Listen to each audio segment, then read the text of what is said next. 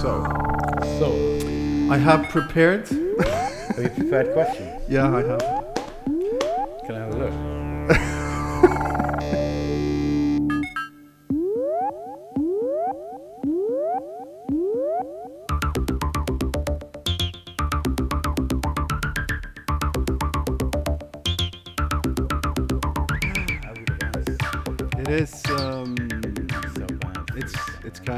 What's your relationship to Stavanger kommune? Have you read the Kulturplan? What's your meaning? Have you an, uh, you know? Oh, do you want it about the An opinion? plan? Yeah, I of course. read it actually. You haven't read it? No, I haven't. Mm-hmm. But everything that I'd read about it, well, we can talk about that. Actually. Yeah, yeah, yeah, Yeah. But I mean, we could talk about the Kulturplan now. Have Yeah. you read the Kulturplan, Stavanger kommune? I haven't. There's a meeting tomorrow. Tomorrow morning at nine, I think, at Folken. I was Are, waiting. are you going? I was waiting to be invited to contribute. That might just be a narcissistic side of my Yeah, yeah. production. But of course, you. But I thought somebody would send me an email and say, hey, you know, you've been working with cultural production in Stavanger for the last 20 years. Yeah. What do you think about the. But instead, I've been invited to these No invitations. open meetings where it's. Yeah. Can you ask questions or.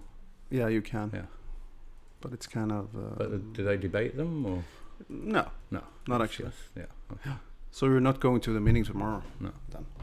No. But I mean, you could go because it's open. It's it's kind of open, open for everyone.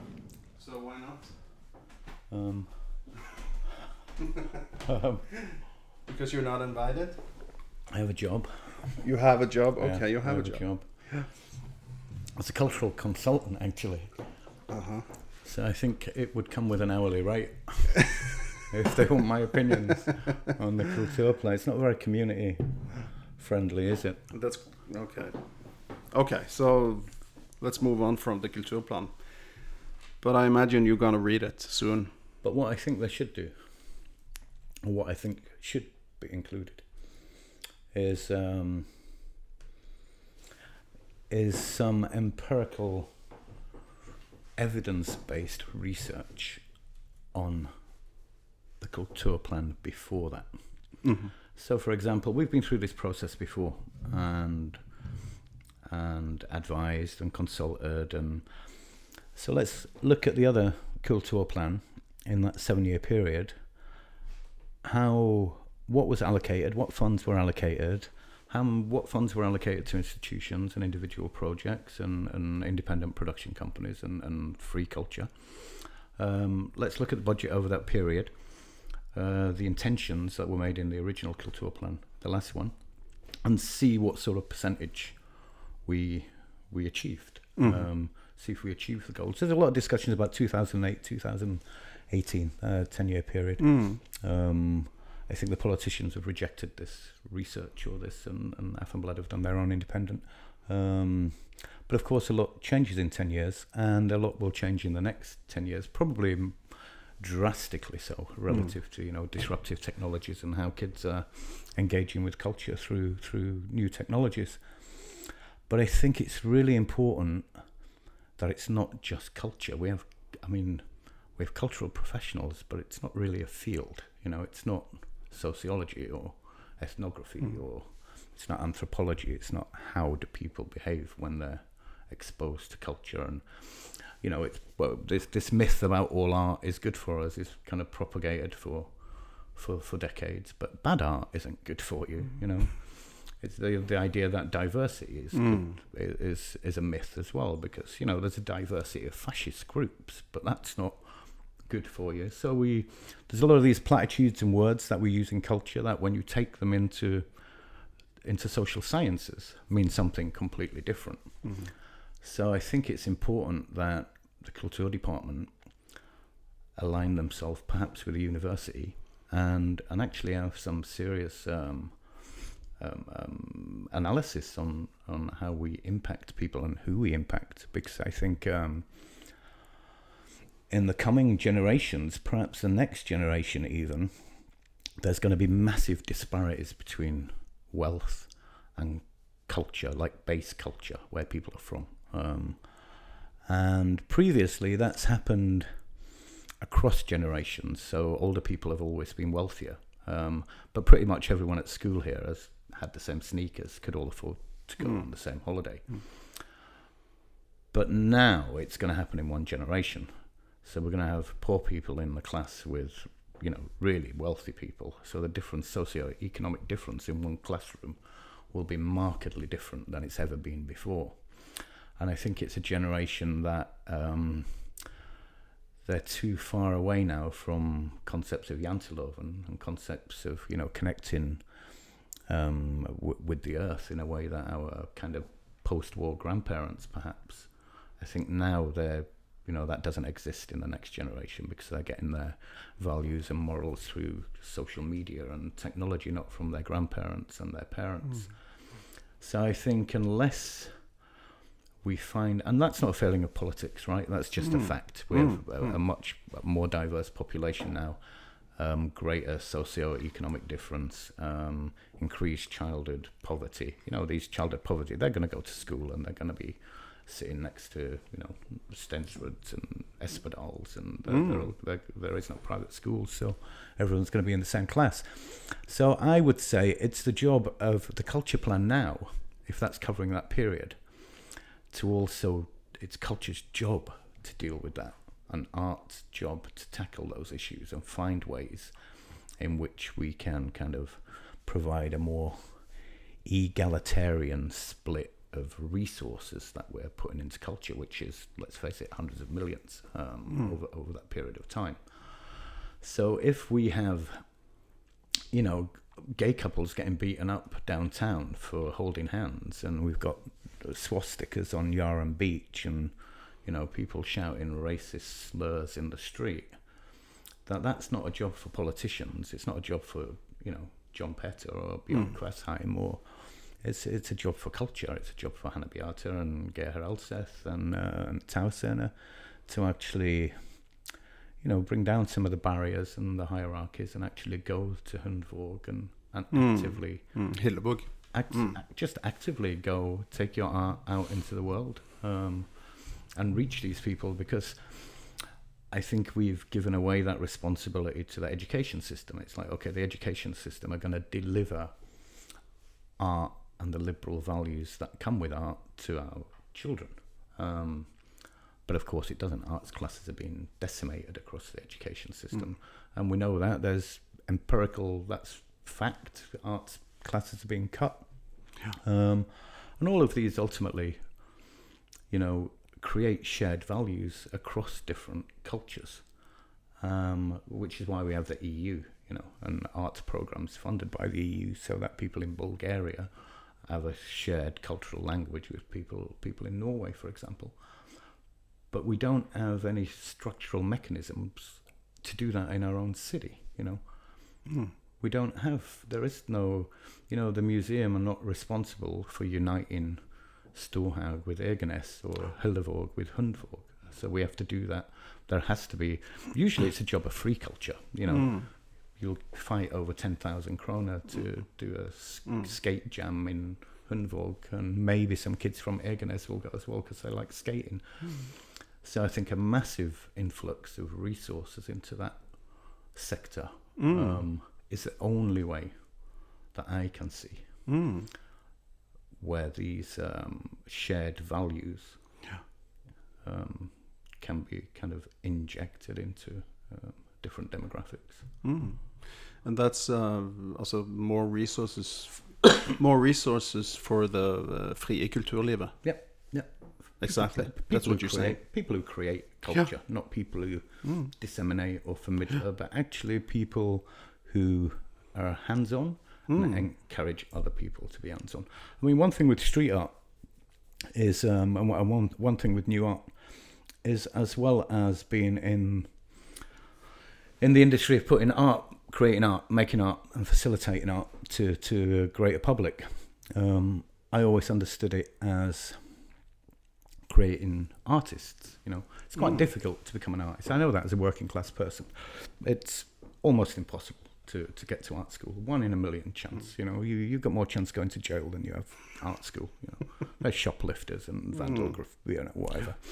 Um, so we have to find and street art, of course. I realised quite quickly is um, is a fast track way to becoming an artist. You know that mm. you don't have to become kind of a indentured academic slave graduating with half a million krona in debt. Mm. If you can get inspired by a Banksy and go home and cut a stencil, mm. because that rewires your brain in a different way, and you become part of a community um, rather than an industry. Um, and I think that's, I think the culture that I work with, I, I think this idea that we can um, give agency to people to shape their own environments without having to go through that kind of you know, education, mm. finance, bank loan, out mm. the other hmm. side, join the union, and yeah. maybe you'll get have lucky by having yeah. maybe, a maybe yeah. and all this stuff. Maybe you'll get lucky with a public commission, and if you don't, so, you know, yeah, if you, mm. I mean, you have to be, you know, almost pathologically submissive to hmm. to structures that already exist. Hmm. Otherwise, you're literally not getting support. Um, so, it, I mean, those systems breed a form of kind of cultural conservatism in and of themselves. You know, the, mm, they do. Uh, they're as dangerous as yeah. they are, you know, positive. Yeah, and that's where the criticism of new art also is, isn't it? It's kind of it's it's it's not um, serious enough in a way. It's kind of it's too easy. It's too uh, also. That's a little bit like. Um, Yes, absolutely. There are certain aspects of it that are that are not serious and that are easy to produce. Um, but then, so is all art. I mean, when did being serious become, you know, a, I mean, what will happen is that this idea of quality, that you can't have quality without having academic training or belonging to a union. But academic training and in in the arts has never denoted quality. I mean, you just have to go to a degree show and just see how much of a mm. flat line monoculture exists because everyone's taught the same by the same, you know, literally mm. taught mm. the same hmm. stuff. Um, so I think, obviously, at certain aspects, but some of the people working on the streets graduating from some of the finest academies in the world. They just hmm. choose to work in the street rather than in the studio. And I think some of the bad work, for example, if you see a little Banksy stencil of a rat holding a rocket launcher, and you're a fine art graduate, and you have just invested, or your parents have invested, you know, half a million kroner in your education. And and I did this myself, and I saw street art, and I saw hmm. Banksy's, and I thought, yes, that's fun. It's not very serious, and I'm not going to give up my seven years of academic learning hmm. and drop yeah. that in favour of this guy's just gone out with a Stanley knife and a piece of cardboard and done mm. something. Mm. So it took quite a long time for these twin parallels for me to get the confidence enough to recognise this as art. Um, I was equally as sceptical that this mm-hmm. could not equate to my seven years of study and my debt. And so, of course, there's resistance yeah. to it. But then I looked at this stencil again and I stood back and I saw that the rocket launcher was pointing at the Houses of Parliament. Mm. So suddenly, yes, the little stencil's easy and not very serious.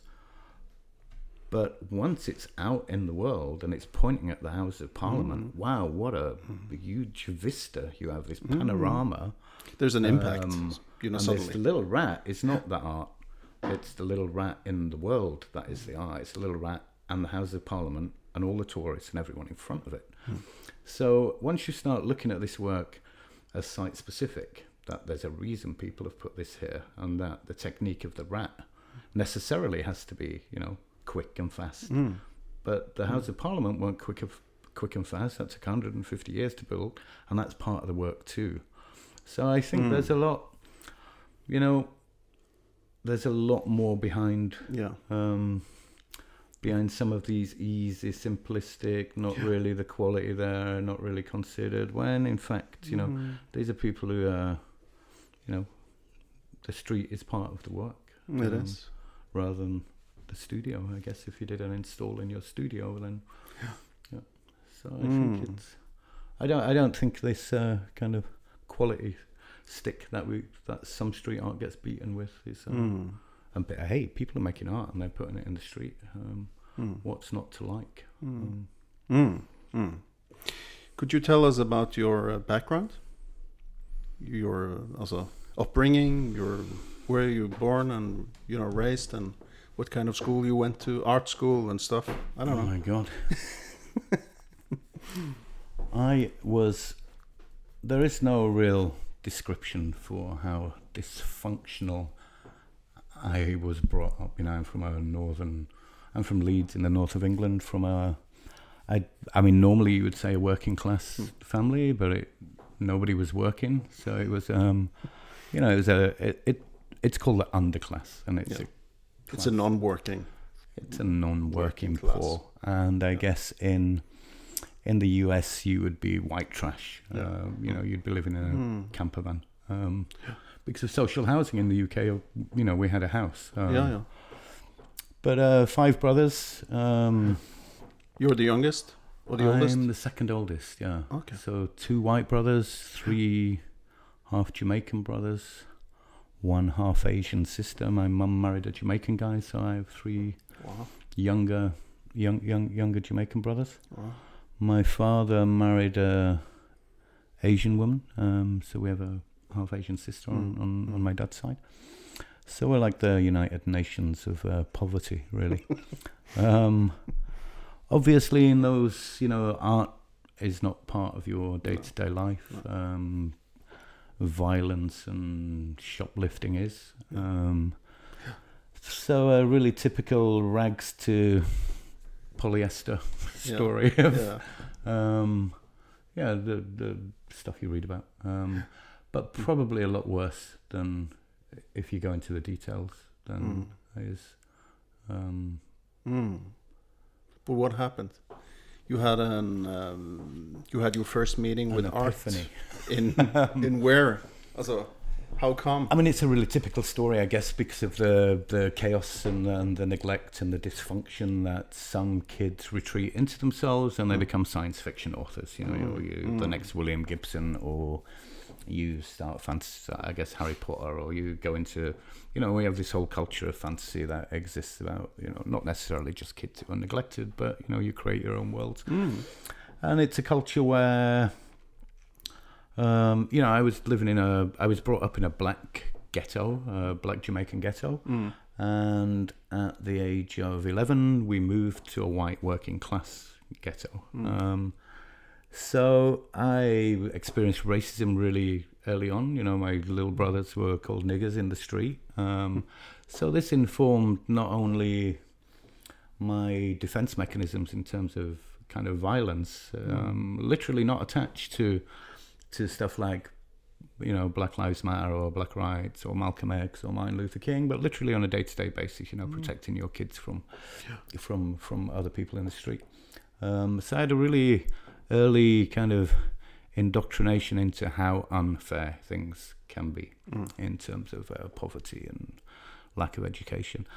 I think because I'd kind of been, you know, kind of insular and thought about these things a lot in my little fantasy world, that I was, um, I was looking for certain aspects of culture that I could attach myself to that would kind of deal with these issues. And when the first wave of hip hop came along, Mm. in you know 79 80 81 Yeah. um, people like Sugarhill Gang and Afrika Bambaataa and electronic music and everything the generation and Kraftwerk and i guess everything the generation before that was white rock you know Mm. it was acdc and deep purple and you know my older brother was a rocker you know Mm, Led Um, Yeah. so looking also, you know, to differentiate yourself from your older siblings as well. Mm. Yeah. Um, and so I naturally started uh, collecting black music. Um, you know, really early. I started breakdancing and body popping, and it kind Mhm. of opened a door into a whole culture that united so many different art forms. You know, Mm. dance. I mean, now it's regarded as contemporary dance, um, uh, graffiti, DJing, Mm, mm. hip hop. You know, so pretty much everything I've done since then has been informed by that Mm. period. and I think I was quite an astute kid. So I would I would buy a lot of music, you know, and I didn't have very much money, so I'd get ten pence, you know, one kroner, and I'd Mm. root through a baskets of baskets of tapes and, and, and singles, and I found this um, I found this tape prison prison work songs of you know Southern America, Oh. um, and it's people working on chain gangs and Yeah, Yeah. yeah, yeah. Those. mm. and there was one track I remember that was um, that was made in I think the 30s or 40s when machinery was introduced to prisons, and uh, African Americans retained the chain gang songs, but they were working on machinery. So uh, I think they were printing the number plates for for the 4T Mm. in this prison. Oh yeah. yeah. So we hear this really mechanical Mm. Mm. with this really blues cool. Vulcan.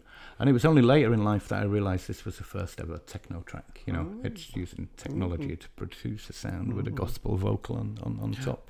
Um, but this led me into this twin path of both kind of an interest in art and an interest in music. And I think because of my background, I was also, you know, interested in escapism. So Mm, when mm.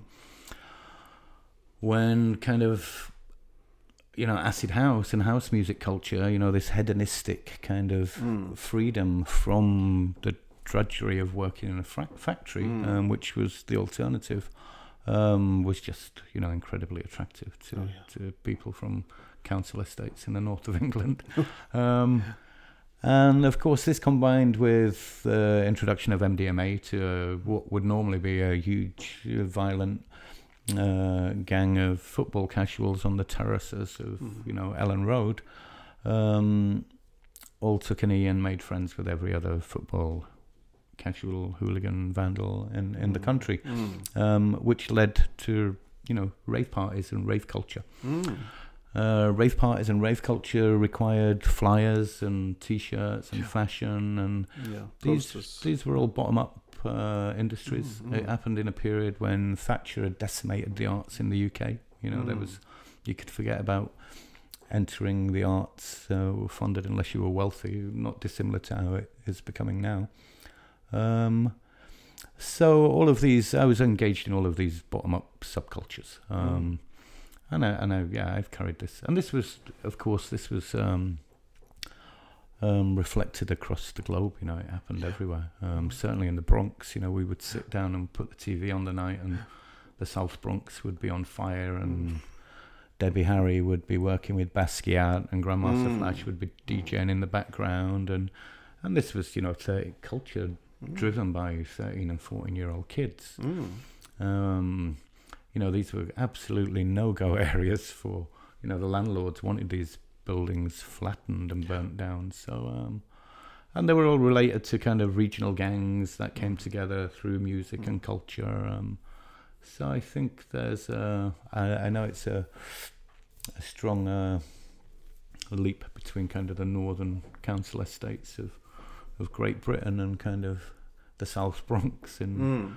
but I think culturally there was a lot of the, there were a lot of similarities You know, the the poor tackled these these these are kind of class attacks through through through capitalism or class or Mm. um, which is why I'm a massive proponent of kind of grassroots initiatives Yeah. because I think that's where culture comes from. I think it's the middle class who then appropriate it, Mm. And it's kind of the cultural elite who then present it Mm. Um, mm. but they present it to each other and rarely back down to the people who are creating the culture in the first place. You Mm. know, um, Yeah. I don't see many refugees at Biennales for refugees. Um, That's a problem. but we're talking about the early 90s now, aren't we? we would be up to The 88. 88. Yeah, yeah 88, 89. Mm. Um, I'd moved from Leeds to Manchester in that period, so I was in this wave of hacienda, kind of early acid house, and and then I applied to art school and made the move, made the move to London. Mm. and and art art really came through yeah engagement with all these other cultures i mean the idea that i think it was in maybe 88 that damien hirst had his first exhibition Uh-huh, that early. Okay. called Freeze in the Docklands in London. He went to Goldsmiths. I had the same Oh, yeah. tutor as Damien on Yeah. my foundation. Oh, So we knew all about Damien, who was suddenly on the front page of, you know, on the front cover of the Face magazine. wow. And it's like, oh, wow, you can be, Mm. you know, you can get validation as an artist, not as a DJ or not as a. So I think anyone who had been making flyers or T-shirts, or suddenly there was this whole generation that applied to art school.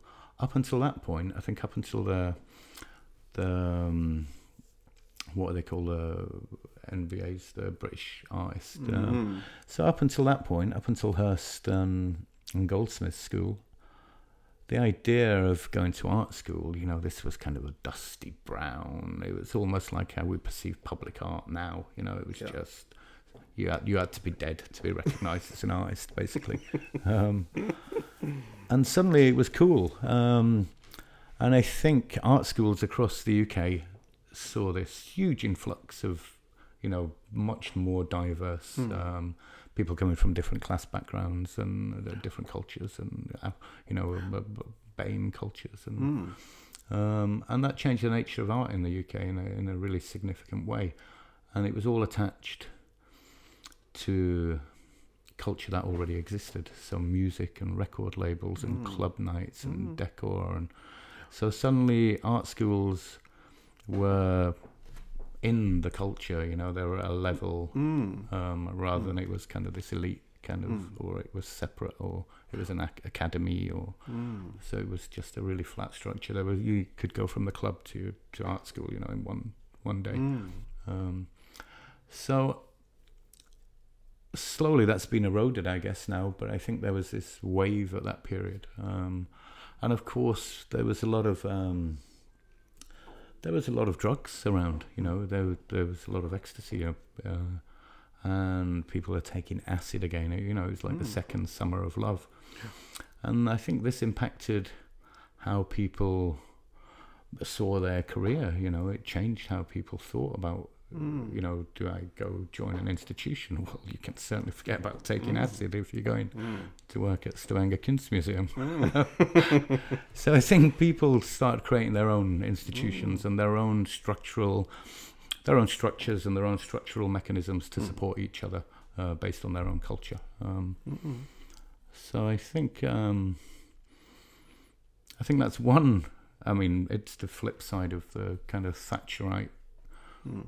Coin, which if you decimate a community, people, if you take away their funding, they will find a way. They will find the cracks to to thrive. Otherwise, these Mm. people, you know, in in these communities, they die. They can't survive unless they find these cracks of uh, creativity. I think it's our responsibility of cultural workers to look for those cracks and find Mm. those people, to plant those seeds that create the culture. You know. Because culture doesn't come from the middle class. The middle class Mm. never create culture. They always appropriate culture. It, the culture doesn't come from museums. We Mm. put it in museums. Mm. Afterwards, Um, yeah. So it's really important, I think, of going back to the Kulturplan, that Brings people us back. people find where culture is created, who plants the seeds and who waters them, who nurtures them. Mm. Because it's not our institutions, it's people like you, Storehouse Productions, and you. know, and, and, and yeah, I hate to say it. Thank you for saying it. Uh, Wow. Okay. big loving. Cool. But uh, so I mean, you moved from uh, you moved from Manchester to London, Mm-hmm. early '90s, 88, 89, 90s, 90, 90 something. Yeah. And you went to art school for how many years? Uh, four years. Four years. yeah. years. Or I did a year in Leeds on foundation before I went Yeah. to London. And how did you end up in uh, Stavanger? Um, a good question. So, a, a little thing about, I mean, it ties in, I guess. Hmm. I I applied to Goldsmiths. Hmm. I thought it was Goldsmiths or nothing for me. I had to follow Damien Hirst. Hmm. Um, and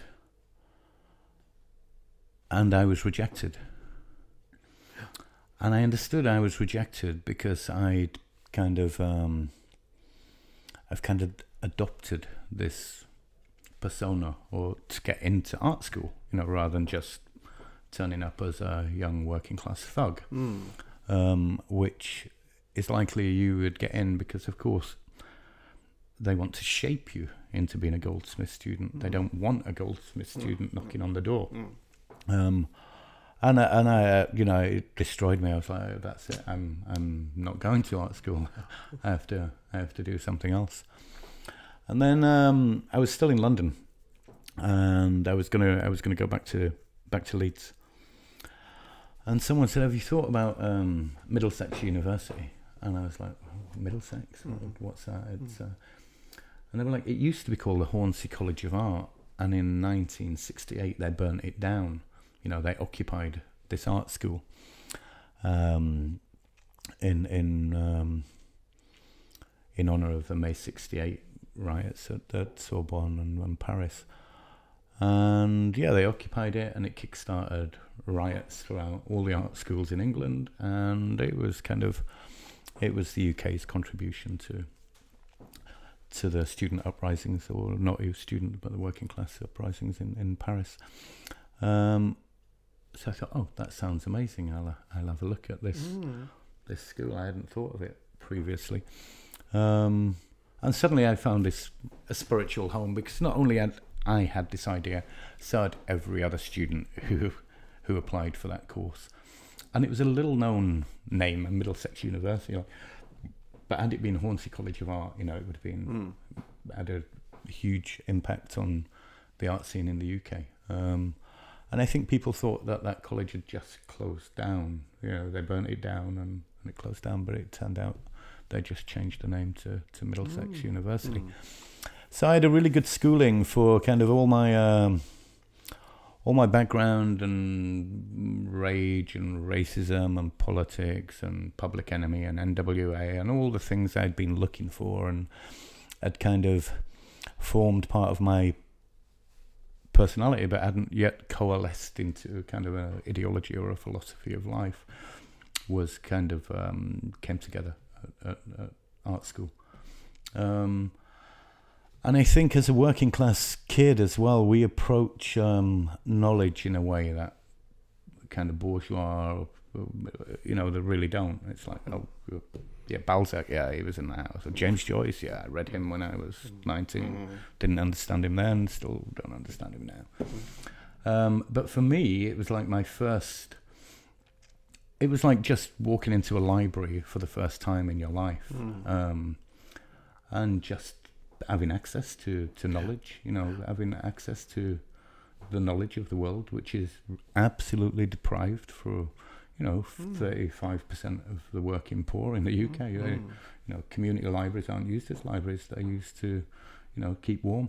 Um, so the idea that I was in this academy, um, an academy was for learning, and here was all the knowledge of the Western or East, of the of the hemisphere, you know, pre-internet really, uh, before Google. So you know, of, we devour this knowledge in a, in a way that perhaps other people don't. Um, when I graduated, I thought I was going to change the world as an artist with all this new knowledge, which was knowledge that you know people who go to art school generally don't. I mean, now there's a lot of people reading critical theory. Um, but it wasn't really a place to go read Deleuze and Guattari and Baudrillard, and you know, it, some of it was kind of sneaking into to new media practice. Um, but of course, when I graduated, I had all this knowledge, and I wanted people to know I had all this knowledge as well. You know? um, so, looking back, I think I was a bit of an asshole. You know, I'd stopped making art. Um, I just thought I was the smartest art student in the world, and I'd read all these books, and my work was illustrating these theories, and it took a while for me to understand that I wasn't actually enjoying making anything. I was enjoying, you know, talking about why I'd made it um, and its place in the world. Um, and then knocking on doors in to to exhibit, you learn quite quickly that the art scene in the UK, and certainly in London, is owned and run by children of aristocrats. Um, it's not people like you. Um, you don't have access to the resources to be able to survive in an industry that's run on slave labor on internships, um, and you realise that you've got a also a thirty-five thousand pound, three hundred and fifty thousand pound debt to the bank. So you're an artist, but fundamentally you're an indentured slave, Mm. That's a bad start. and your only option, or seemingly one of the options, and the option that gets taken up most, is to go back to work at the college that you graduated from as a part-time, as a part-time teacher. Mm. So you end up with this cycle of indentured slaves who are tied to the institution that gave them the debt in the first place. And because it's so difficult to survive, you don't really question it because you automatically become part of that part of Mm. that system. Mm. Um, and I think if you go to any art school in the Western Hemisphere and look at what percentage of teachers are actually from that school, Mm. you'll find it's a lot higher than kind of than perhaps it should be Mm. if these courses were working and putting people out Mm. as artists or into other industries. The other problem there, of course, is, and you're you're almost warned a little bit um, that not everyone becomes an artist. You know, this is told you by uh, the head of the school or whatever. You know, but art informs other industries. It kind of, you know, you can be a graphic designer or you can be. And we kind of like, yeah, okay, but I don't really want to be a graphic designer. I would go to graphic design school if I wanted to be a graphic designer. I wanna be an artist. You know, I, I, I'm here to be an artist. Mm. But then you look at the numbers, it's 100,000 art graduates every year in Western Europe. And that's the equivalent of the Renaissance. That's 400 years Mm. of the Renaissance produced for, you know, 100,000 artists. Wow. And we we do that in a year now. Mm. And I think it's part of our industry that's not really uh, it's not really explored enough. Mm. Um, and the, I mean, there's no way, nowhere to talk about these issues. Actually, it's not public. Why would it be published? Why does anyone? Mm. Why does anyone care? But I also think it impacts what we were talking about. Really, that artists when they graduate should absolutely be encouraged to go straight into public space, Mm. go straight into the community, see what's needed, and see where art is needed Mm. and without kind of without jeopardizing or or, or uh, compromising your ethics values or even your aesthetics find a way to make it work in your community. And i think that's what street artists initially did. Um, they just went out they had something to say and if you want to take art as a language and you want to speak to people you have to start you know if you you can start at quite a high level if you graduate and go to a place where 30 people are also understand the same language as you but then you're just speaking to each other for the rest of your life. If you go out into public space it, it's a different sort of challenge yeah. Mm. you're using a foreign language to communicate with people who haven't been to art school. Mm. so it kind of wires your practice in a different way? But i think you can be quite smart in how you in how you tackle that. And i think that's absolutely the role of artists that it shouldn't be filtered anymore by cultural gatekeepers. Because music isn't. If you want to experience music you don't have to go to the concert hall you know Mm. you, Mm. you can turn on the radio Oh yeah. um, if you want to experience art, you have to go to the museum Hmm. or the Kunsthalle or the Kunsthal. There's something, and people are choosing what you get to see. Um, That doesn't exist in any other art form. You know, that was done away Mhm. with Mm. a hundred years ago in, in music. You know, um, people playing on street corners, and and it's not a question of quality because you know dubstep uh, Kode9 production is equally as interesting as as Tchaikovsky, um, who was dismissed as being populist and kitsch when he Mm. was you know Mm. writing his. Yeah. So I think um, this idea of of um, going back to this quality thing with street art, I think it was this. We were beaten with the same stick when electronic instruments democratized the making of music, or when the turntable gave African Americans access to affordable instruments. They made techno, they made house, they created disco, they created dubstep, they created basically the bedrock of contemporary cultural music practice. And it was only when that technology became affordable that kids in bedrooms could afford it that they didn't have to get you know four or five other friends together and rent a place and go to you just had Mm. access and you could go out and i think there are certain parallels with street art you just need to get you know a sticker or a laptop or a Mm. a knife and a piece of cardboard and you go out and do it and you've got as much chance as making it as anyone else who's been to art school you just have to be prepared to put the work in you Mm. But let's go back to to uh, how you uh, moved to uh, Stavanger. yes How you moved to Norway because you met some people in uh, in London. Mm. Is that right? I had um, I, on graduating, I, I had a residency at the ICA Institute of Contemporary Art in London Hmm. as a DJ with yeah, a club and art culture mixed called Abacus. And and all the clubs, I was, I was DJing at the time, and I was mixing my DJing practice with my art practice, and um, and finding ways to finding ways to kind of both make a living, but also find links that could make uh, have club culture perceived as contemporary art practice. Um, so, for example, for my degree show, I, ra- I, I run a club. I just rented a club on Mm. DJs, and I run a club, and my tutors had to come and grade it as an audio visual cool. event, um, which they were none too happy about. Four o'clock in the morning, monged out kids on ecstasy. but it worked. Um, and then I established this group called Phased, like a working new media group operating between uh, club culture and, and contemporary art practice. And, and two of the members were Norwegian, who knew someone here, Mm-hmm. Uh, Gree Zachariasen, who was running Cafe Sting at the time, Mm. and Gree Isabel, who's now Mm. running, Uh, the uh, changed yeah. its name, Innovation, Epoch, E- yeah, Norge, some Epoch, kind of um, yeah. yeah. Mm. playground. yeah. Um, and they established a something called a Millennium Festival in 1995, which was probably the first Millennium Festival in the world, yeah, because Mm. it Mm. didn't happen until 2000. Mm. um, so we thought that was a good idea. Uh, someone knew them, uh, one of the members of our group, Arla. Um, and we connected with those guys who raised, I think they raised 25,000 krona through Mm. Stavanger Commune. Yeah. And we were invited over as a group, and and they gave us the city as a canvas.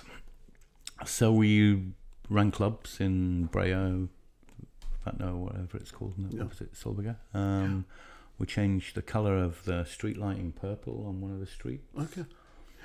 Did an installation in the tower and a laser show from the from the yeah the, the fire tower at Sting. What's it Mm. called? Valbergtårnet. That's the Valbergstone, yeah. Valberg, Valbergtårnet. Um, and that was my introduction to Stavanger. Really, we kind of had freedom of the city. Um, something clicked. A friend Kurt, who was a Norwegian techno producer and an artist, uh, fine art graduate, had. Um, I went to his apartment. I, I just couldn't believe it. It, it was similar to this, you know, strip pine floors, Mm. high ceilings, Mm. nice rosette in the roof, like original. And he was a student, and I'm like, wow, Mm. you have to be, a, you know, close to be a millionaire to live like Mm. this in the Mm. UK. Um, and then I understood quite quickly that it was your standard of living. That the standard of living in Norway was Yeah, was higher. was incredibly high. Yeah. I mean, we were literally living in basement apartments with rats. You know, um, it's Mm. London, London for Mm. poor people. Uh, London's not fun if you're poor. Um, and just how we were accepted here in '95, and also in Oslo, we did a production in Oslo. There was this kind of, I don't want to say naivety, but um, but there was this curiosity about this about new things. You know, Mm. and we were you know really working with new ideas about really early internet art um, um, and just using art small events and small stickers and small like a virus through the city so it kind of impacted a lot more people than than normally art, art would um, and it was received with you know we were received with open arms and um, and I thought it was a, a, a place I wanted to to be Mm. Um, and then I met a girl. Uh, Yeah. And then I met another one. Yeah. And another and one. then another one, and then I had a baby, and then Mm. But I mean, finally, you uh, you started working at Café Sting. I started And- working at Cafe Sting Mm. and running the club. Um, You took over the nightclub downstairs. Took over the nightclub, And you um, started the first uh, new music festival from Sting, or or was started- it the first one was at Sting in 2000. Um, I mean, it was one of the first electronic music festivals in the world. Mm. Um, you know, I think Sonar started in 90, 98, uh, 99. Um, um, and primarily it was, it was a little bit when I came here in 95, you know, we ran clubs and all electronic music was called techno. Yeah. There was no difference between drum and bass and house and you know the No. different subgenres or Detroit or dis- it was just all techno. Um, and I think at the time Stavanger was uh, ecstasy capital of Norway, or Mm. there was some route in here think so. For for Hell's Angels to import. And so there was a lot of there was a kind of subculture of rave culture here. Um, little illegal parties and Mm. things, things going on that we could we could relate to. Um, and then I started, yeah, as I say, started DJing at Sting and eventually took it over. Um, applied for funding Mm, from Stavanger kommune. from Norsk Kulturråd Oh yeah. And Stavanger Commune possibly to do a club night. Yeah. And I was told in no uncertain terms that we didn't fund techno. Oh yeah. A little bit like we don't fund street art Mm. or graffiti. Mm. You know, it's not real art. That's not real music. Um, I think at the time that whole milieu was dominated by by by the jazz milieu. You know, Yeah. funding was for jazz. There was. I don't think they'd yet started a rhythmic music Mhm, um, Probably not. fund, um, which is maybe a bit racist. I don't know. So if something's got rhythm, it's separated from your head, and it could be black, techno, disco, but it wasn't. You know, again, serious music. Mm. Um, so I purposely, and I, I studied sound, and I'd worked with sound at university, and I'd understood the culture's relationship to early pioneers of electronic music. Uh, I understood the relationship between, you know, Grandmaster Flash and Pierre Henry, Karlheinz Stockhausen and Kraftwerk, because I'd read about them. These were all the early pioneers who literally invented electronic music. Um, and they were still alive, you know. Um, and because it was tied to technology, it couldn't exist before. Mm. Electronic music didn't exist before Mm. electronic music Mm. before we had the technology to produce electronic music. The idea of sampling a sound didn't exist before, you know, we had tape. Mm. The only time you could do that, I think, was 1949, where you could, you know, Pierre Henry invented musique concrète. So there was, for me, there was all these academic links between all these narratives, all these narrative links between serious academic music, uh, contemporary art music, and techno, and that you shouldn't differentiate between them because they're all feeding off each Mm. other. Um, a little bit like is happening now with street art and graffiti, contemporary art and activism, and they all feed off each other, and they're not these linear kind of. Um, and I was determined to establish these narratives so that people working in club culture, in techno and house and drum and bass and jungle at the time, could apply and qualify for funding. Um, and because I'd read all these theoretical tracks at university, I had the vocabulary and the language to be able to write an application that established these links between, you know, supposedly high art Mm. and Mm. and low art, which it was called at the time. Yeah. and um, you know, 20 years later, we're seeing the same happen in contemporary art. Um, but I've seen it before in music. You know, Mm. I've seen Röyksopp go from playing at Sting for Mm. 100 people to playing, you know, Miami Stadium for 100,000 people. We've seen Lindstrom. We've seen, you know, Mm. none of this would have been accepted as mm, fundable music Mm. um, in in '95. Uh, um, Mm. so I'm confident, you know, with what we're doing with with art. Um, I mean, one of the things, certainly with new art, was everything that we did with new music, all the lessons we learnt there. I understood if you apply, because a lot of it's promotion, yeah, it's how you disseminate and how you familiar this culture to, to other people. I thought if you use the same model that we have for promoting a club night for an art exhibition, Mm. it will be packed. Mm. Yeah, people will ju- you just stick a DJ and some free beer and Mm. promote it like you promote your club, and the same people will come to your art exhibition as go to your to your nightclub. Um, and that's all we did really. There's no difference between, you know, art on a skateboard or art on a Mm. canvas. Mm. Um, it's a different way of how you approach marketing it and to whom and why and how. Mm. Um, so yeah, and that, Mm. that brought us up to yeah. Cool. You're pretty good at at uh, marketing, I must say. thank you. You've been, uh, yeah, the last uh, I don't know, 20 years or so. I think when you don't really have a separation, you know, this work-life balance, Yeah. you're just You're always working. yeah, twenty-four It's seven. constant. Um, Yeah, so it's I know just the feeling. yeah, it's just out there all the time. I mean, I notice you're doing the same with Storehouse Productions Mm. because if you don't have a day job, you can log on and promote Yeah. whenever you like. Yeah. Yeah. Um, and the only way you can do that at an institution is to hire, you know, a social media person.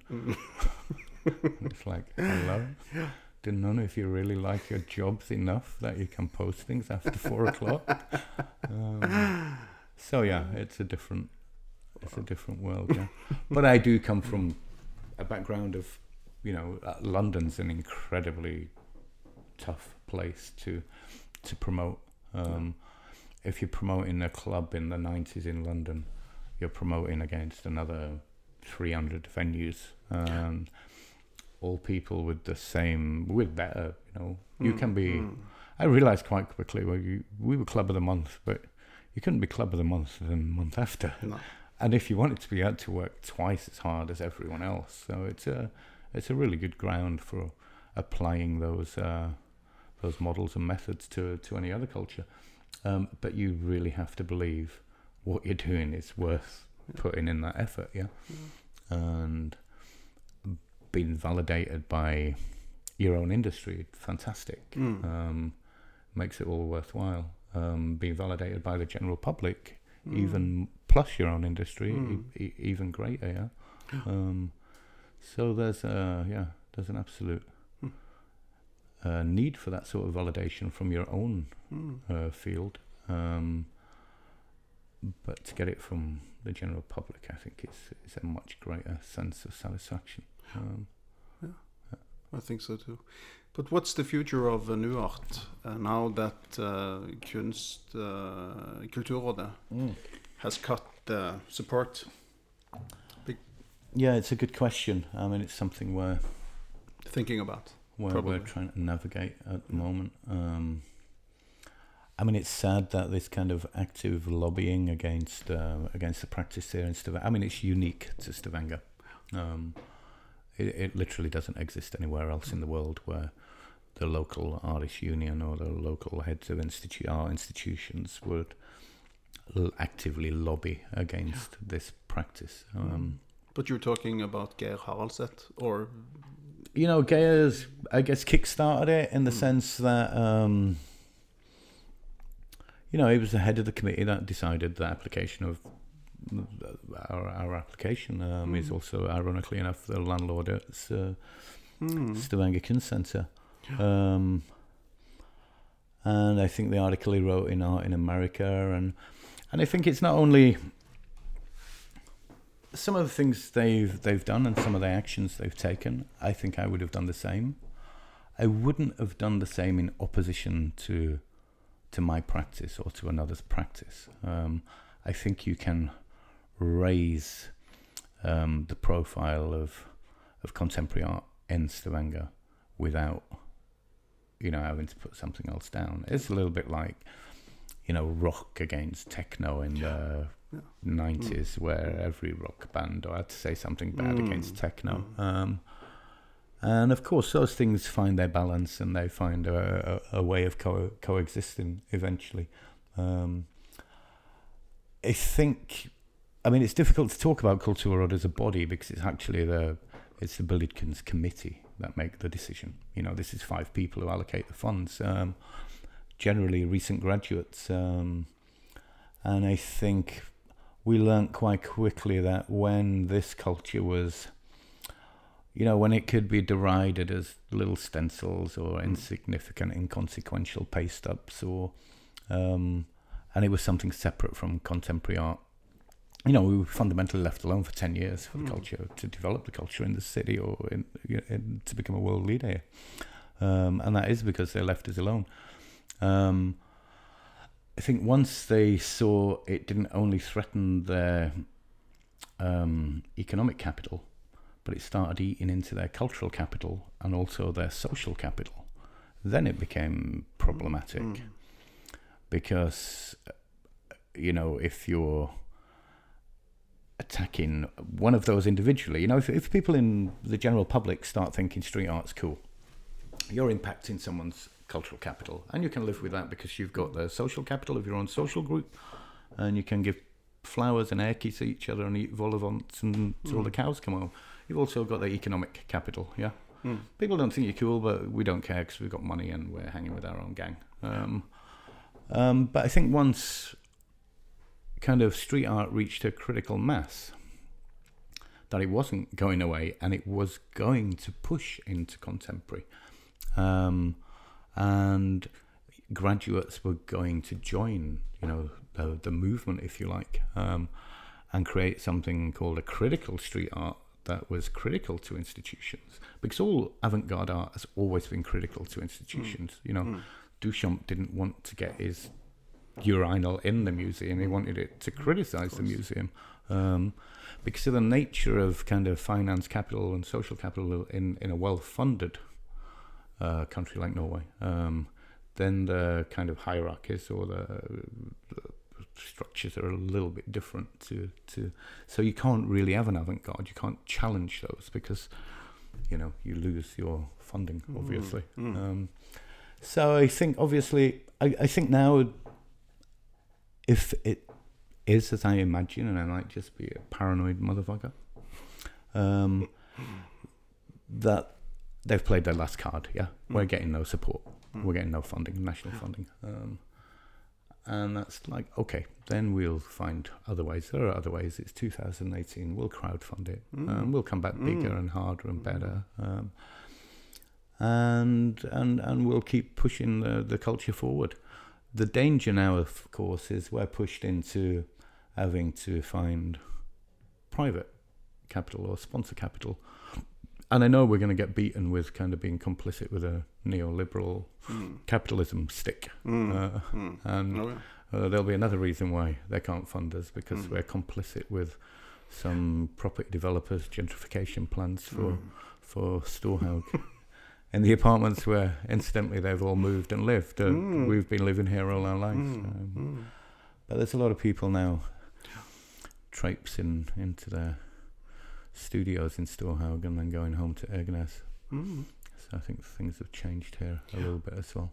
Oh, yeah. Um, But uh, just for the record, this uh, Geir Haraldseth I'm talking about, we're Mhm. talking about, he's uh, daglig leder ved uh, Rogaland Kunstsenter. Indeed. Yeah, and he's a curator, he's a critic, and he's an artist, maybe, I don't know. Um, and he wrote a piece in a magazine called The Art, Amer- Art in America. Art in America, Art in America. which Mm. were kind of critic about the art scene in Stavanger, especially the new art scene, also the street art scene. Mm. And they made a headline in Stavanger Aftenblad called 'Stavanger er forsøplet av gatekunst'. Littered. It's littered by the city is lit, lit, lit, littered, by with uh, art, yeah. with art. I mean, it's he's a very clever man, that Yeah. Ralta. Yeah. Very interesting vocabulary Mm. to litter a place with art. Mm. So there was a there was a debate in Stavanger Aftenblad afterwards, you know, in uh, in the aftermaths of this there was, one. There was. And they also invited or talked to uh, the critic, um, uh, the famous Trond- Trond critic Trond Borgen, and he made some uh, some uh, statements you know, in the Some newspaper as equally well. disparaging remarks on It's it's the on democratizing. yeah, art it's, it's terrible. practice. That's uh, Mm. blah de blah de blah. But what's your uh, what's your uh, relationship to Stavanger Aftenblad? Because of uh, the newspaper. yeah, to the newspaper. Because I read that uh, Geir Haraldseth meant that Stavanger Aftenblad was a speeching, altså et talerør for New Art. Fabulous. Yeah, because of the Nuart wall. You know, you have a oh, the Aftenblad wall. They Yeah. sponsored the Yeah, yeah, yeah. the billboard. Yeah. Aftenbladet wall. That's what it's called. I think they. I think there's a completely separate department. We work with a marketing department, nothing to do with editorial at all. No. I think if you spoke to Jan Zal or Leif Tora yeah, and said you're writing nice things about new art, because they would because it. Yeah, they would have your head on a plate. yeah. Um, Mm. There's there's Yeah. no way these guys are gonna say nice things about me because their marketing department is sponsoring some adverts. Um, it's a low blow, yeah. Yeah. Um, which fundamentally takes Aftenblad out of the the picture. Um, Aftenblad editorially offered these guys and Borgen and all of our critics to create a public platform in Sølvberget and we'll have a public debate about these issues. Oh, okay. I never heard about it. No, neither did we, No. because they Didn't none of, none of the people wanted to participate. Okay. Um, so they're safe behind the walls of their, you know. Uh-huh. And it's fine. I mean, we're open for critique. This is why we have Nuart Plus. You know, we have an academic Mm. journal Mm. designed Mm. to criticize our own Mm. practice. It's such a young Mm. culture. It's such a young. I mean, can you imagine having a you put up your exhibition and then you invite loads of academics to criticize why you put up your exhibition? That's fundamentally Nuart Plus. You know, um, covering all aspects of it. it. Is does this have any value? Because Mm. we believe it. You know, we've Mm. elevated. Mm. If we believe culture is art, elevated to a set of belief systems. Mm. You know, and values and and and, and ethics and thoughts of.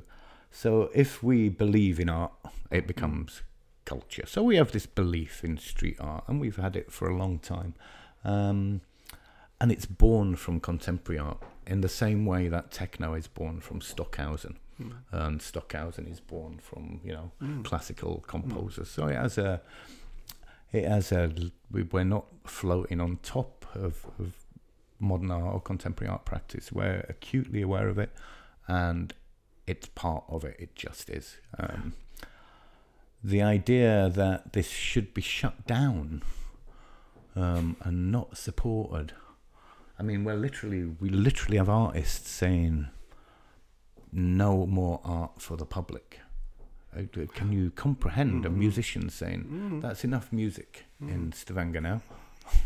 Don't give the people any more music because they might stop listening to my shit rendition of what I think is the blues. Um, so we have, uh, you know, this kind of protectivism, which I don't know. We have kind of this odd village mentality with, you know, housing international culture. Mm. Um, and I, you know, if you're ambitious with your work, you you will get recognised for it outside of the confines of the city. Mm. Um, but there are far too many people, I think, comfortable with the Yeah. resources that they already have to actually try and Mm. make an impact beyond Mm. the boundaries of, of the city or the county. Yeah.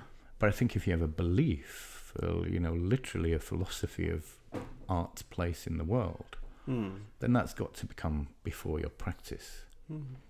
Yeah. Mm. Or your practice has got to link to that in some way. Um, It's no good writing the greatest novel ever written and just keeping it in your drawer um, or showing it to 30 people. Mm. Um, so I think, I mean, the next thing is to get beaten with a populist stick or something, or, you know, we're going to be Britain's Got Talent of the art world. and make people cry with stencils of rats and starving Africans. But Well- yeah, Mm. But I mean, what's your what's your relationship to Kunstskolen i Rogaland then?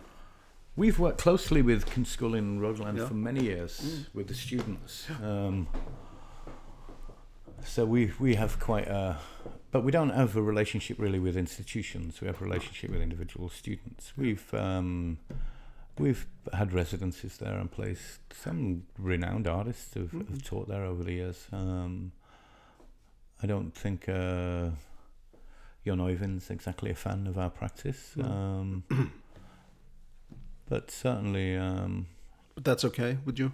that's great. That's Yeah. fine. Yeah. Um, I'm. I'm. I, I think people know my position. I'm not shy of Mm. saying I think these institutions should be burnt to the ground and rebuilt in a way that we can benefit from the most as a community. Mm. Um, and I don't mean within the confines of the of the city. Um, but I think, but yeah, that's. I don't intend to work in any of them, so I think. Um, but I'm an art lover, you know. I that's. Mm. I've dedicated my whole life to to the practice. Um, could you tell me about the difference between uh, Aberdeen uh, Nuart uh, and uh, Stavanger Nuart? Yeah, it's difficult. I mean, Aberdeen's a really interesting place. Um, similar level of wealth to Stavanger, Mm. um, but an old culture and, and, and you know literally built from granite. So we have this 500 years of of history in the stone, literally in the you know if you put a piece of granite down. Um, in 1542, it's still there in 2019. You know, Mm. it doesn't go away. Mm. So there's this kind of this idea of this dour Scotsman, this serious kind of, you know, it rains a lot and the city is grey and um, uh, council houses are used, you know, they're, they're built using the same methods as you build a castle, you know, everything's these big granite blocks. Um, Mm. so I think um, when I first got, I know, when I first got there, I was like, wow, it's like a fairy, it's like a fairy tale, it's like Mm. fairyland. Everything looks like a castle. Mm. You know, Mm, mm. houses have got turrets and spires, and um, I I thought it was a fascinating place. Um, um, and it took a while to understand that art didn't have a place there. Okay. And I think How come? because I think it's something perhaps traditionally, and it's a very masculine culture, Scottish culture. You know, it's beer, and um, they'd also gone through this huge um, crisis with the collapse in the oil price, so they they were facing the same issues as they were facing in Stavanger. Um, but without the level of cultural funding that we have here, Mm. and so there were little pockets of independence, but really hidden. Mm. The main art museum had been closed for five years for a refit that will open next year, and then there was one small independent. I mean, that was it. Mm. Um, they were a fantastic art school, Gray's Art School, um, um, but young graduates would leave the city after graduating from the art school. Um, and walking around the city, there's something about politics in Scotland where everything is political.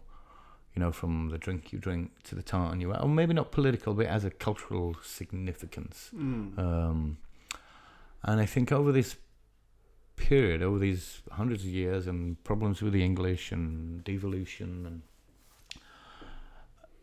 culture and politics sits on top in the same way like the granite sits on top. So you can feel there's this pressure, Mm. a cultural Mm. that's in people um, in a different way to Stavanger, where we change the wood on the front of our house every 30 years. You know, things are always Mm. changing. The dynamics are different, even though we have similar climates. Um, I think this weight of history, you know, kings and queens and beheadings and politics and Hadrian's Wall, you know, there's this huge, and Mm. clans and. And it was all there, lying flat. And I think as an outsider, to see this was like, okay, how do you, how do you change it? How do you unleash that? What can you do to, to to give some agency to these people? And we we're not we weren't funded by the council. We were funded by the BID, you know, Business Improvement District. Okay.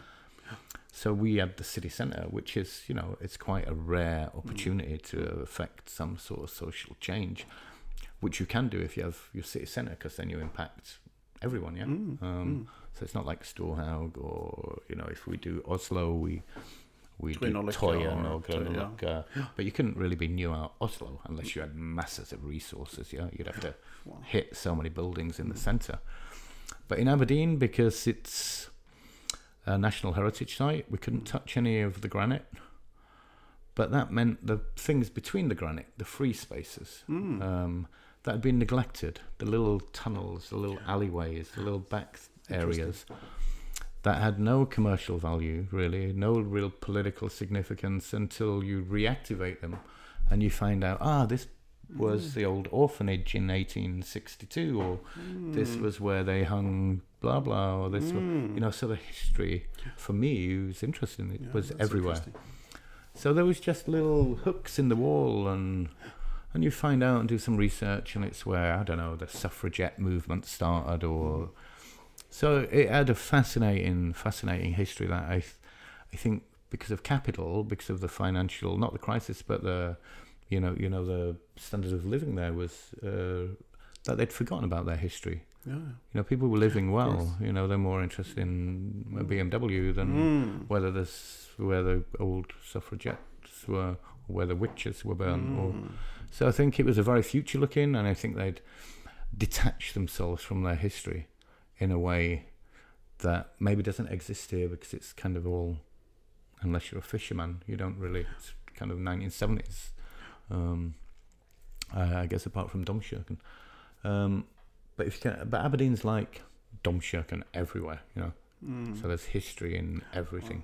Um, and so we were left alone to choose these spots, and and I found these areas and went back and forwards and backwards and forwards and and kind of mapped out where to put work and what artists I thought would work. Um, everything that we've learnt here over the last ten years, I could package. You know, I knew what workshops triggered what sort of actions. I knew what academic talks attracted what sort of people. I knew what films would Mm. work. Um, I knew what artists would work, how quickly they could work, on what scale of wall, and where and how and when. And we decided quite quickly that it would be a city festival. We'd open in the daytime and not have a evening opening. Um, we'd build a stage. We engaged local schools to come and dance, and and and and when we unleashed it, it was you know it was like nothing I've experienced before in Mm. any type of production. Maybe it was the equivalent of having a huge rave party when the headline DJ goes on and everyone goes, "Way!" Mm. I can only experience it as uh, I had that same feeling across all demographics. You know, um, I had this little old lady coming over going, "Oh, you've healed rifts between clans that have existed for hundreds of years." and I think um, to do it with art and to do it from a position, a grassroots position, and it wasn't top down because everything's very heavily bureaucratic because of this history. You know, bureaucracies have had 500 years to develop. We've just had kind of 50 here. Um, so the mechanisms of control are quite heavy. Uh, you know, you can't do anything without you know the right paperwork. Um, you can't operate lifts. You can't do. You know, the idea of having freedom of your city would just be insane. But the fact that it was kind of presented that way was, um, and it still has a its impact is just rolling. Um, so yeah, it's. I mean, it's discussed in the Houses of Parliament there. You know, in Scottish Parliament, welcoming new art. So it, it's. Uh, it's- Congrats. It's a bit Also. chalk and cheese, but it is. You know, it is. I, we do see it as exporting Stavanger. You know. Mm. Mm. Um, and, and same in Oslo. Um, But I think if we were an institution having that sort of impact abroad, Mm. I mean, we talk about Stavanger Aftenblad, yeah, it'd be front page news. Of Yeah? course. Um, that as a cultural institution, you could go somewhere and with, a, the, you know, where Stavanger is kind of the, Mm. one of the world's centres of a specific type of global culture now. Um, and it is a twin city, of course, so Mm. there there are parallels. So I'm hoping that we can explore explore those links because there's no reason we shouldn't be exchanging chefs. You know, it's Mm. 45 minutes away, 50 minutes, 200,000 people just 50 minutes away, and it's not Bergen, so they're not our enemies. Um, so I think that's something we'd like to explore a Is little that bit. close actually? Huh? 15 Oh, minutes. well, you know, minutes. Yeah. I, I got there Oh, quicker than. Egerton. Oh, yeah, it's like That's get on the train or get on the plane. It's like so we're working with Widerøe and kind of the airport there and the airport here, and I think there can be a shared. There is a shared cultural language between the cities now. Yeah. Um, so I think there will be uh, a lot more collaboration, and I think this kind of kulturnæring. You know, we pay lip service to this this idea of you know kulturnæring. There's even funds for it now. You know. Mm. Um, but usually it's culture and culture, yeah, rarely. But I Mm. think this has a way to, to to really kind of have some sort of positive impact Mm. between between the cities. Mm. Cool. Good luck, Thank you. you know, and uh, good luck with the new art uh, 2018 Yeah, also. yeah, yeah. I Mm. think that's going to be it's going to be interesting event. after that. We'll see what sort of um, Mm. haters come out of the woodwork. I mean, support us, support us. Sorry. Um, but no, I think it's important for us this year that two two eighteen will be um, it will be a community based um, festival, um, and it will engage a lot more local uh, conditions and artists than than previously. And as I said earlier, it's great being on the BBC and CNN and Time Magazine, but uh, if you forget about Rogalands Avis Mm. um, And or Asphalt or Stavanger Aftenblad, then I think there's no reason for existing here. Yeah. Um, so we have a great team. They're all really excited. We've got some great artists lined up. Yeah. And that's all for now, folks. That's all for now. Thanks for talking to me. Thank you. See you later. Yes. Uh, you know, next time. Thanks for everything, mate. Appreciate it. Keep on. When well, in the morning, in the morning, oh baby, when I ride, baby, you have a light, have a around, around my right side, well, around my right side, baby, around my right side, sugar, when I have a mirror around around my right side. Well, well, Lord, Lord, mother, well, Lord, Lord, struggle, well, Lord, Lord, roller, well, Lord, yeah, well, well, I heard you never told? You told her, you told her dirty lie, baby. Well, now who's the never told it and told her, he told a dirty lie. Well, well, now who's the never told it and told her, he told a dirty lie. Well, well, I'm gonna wanna die.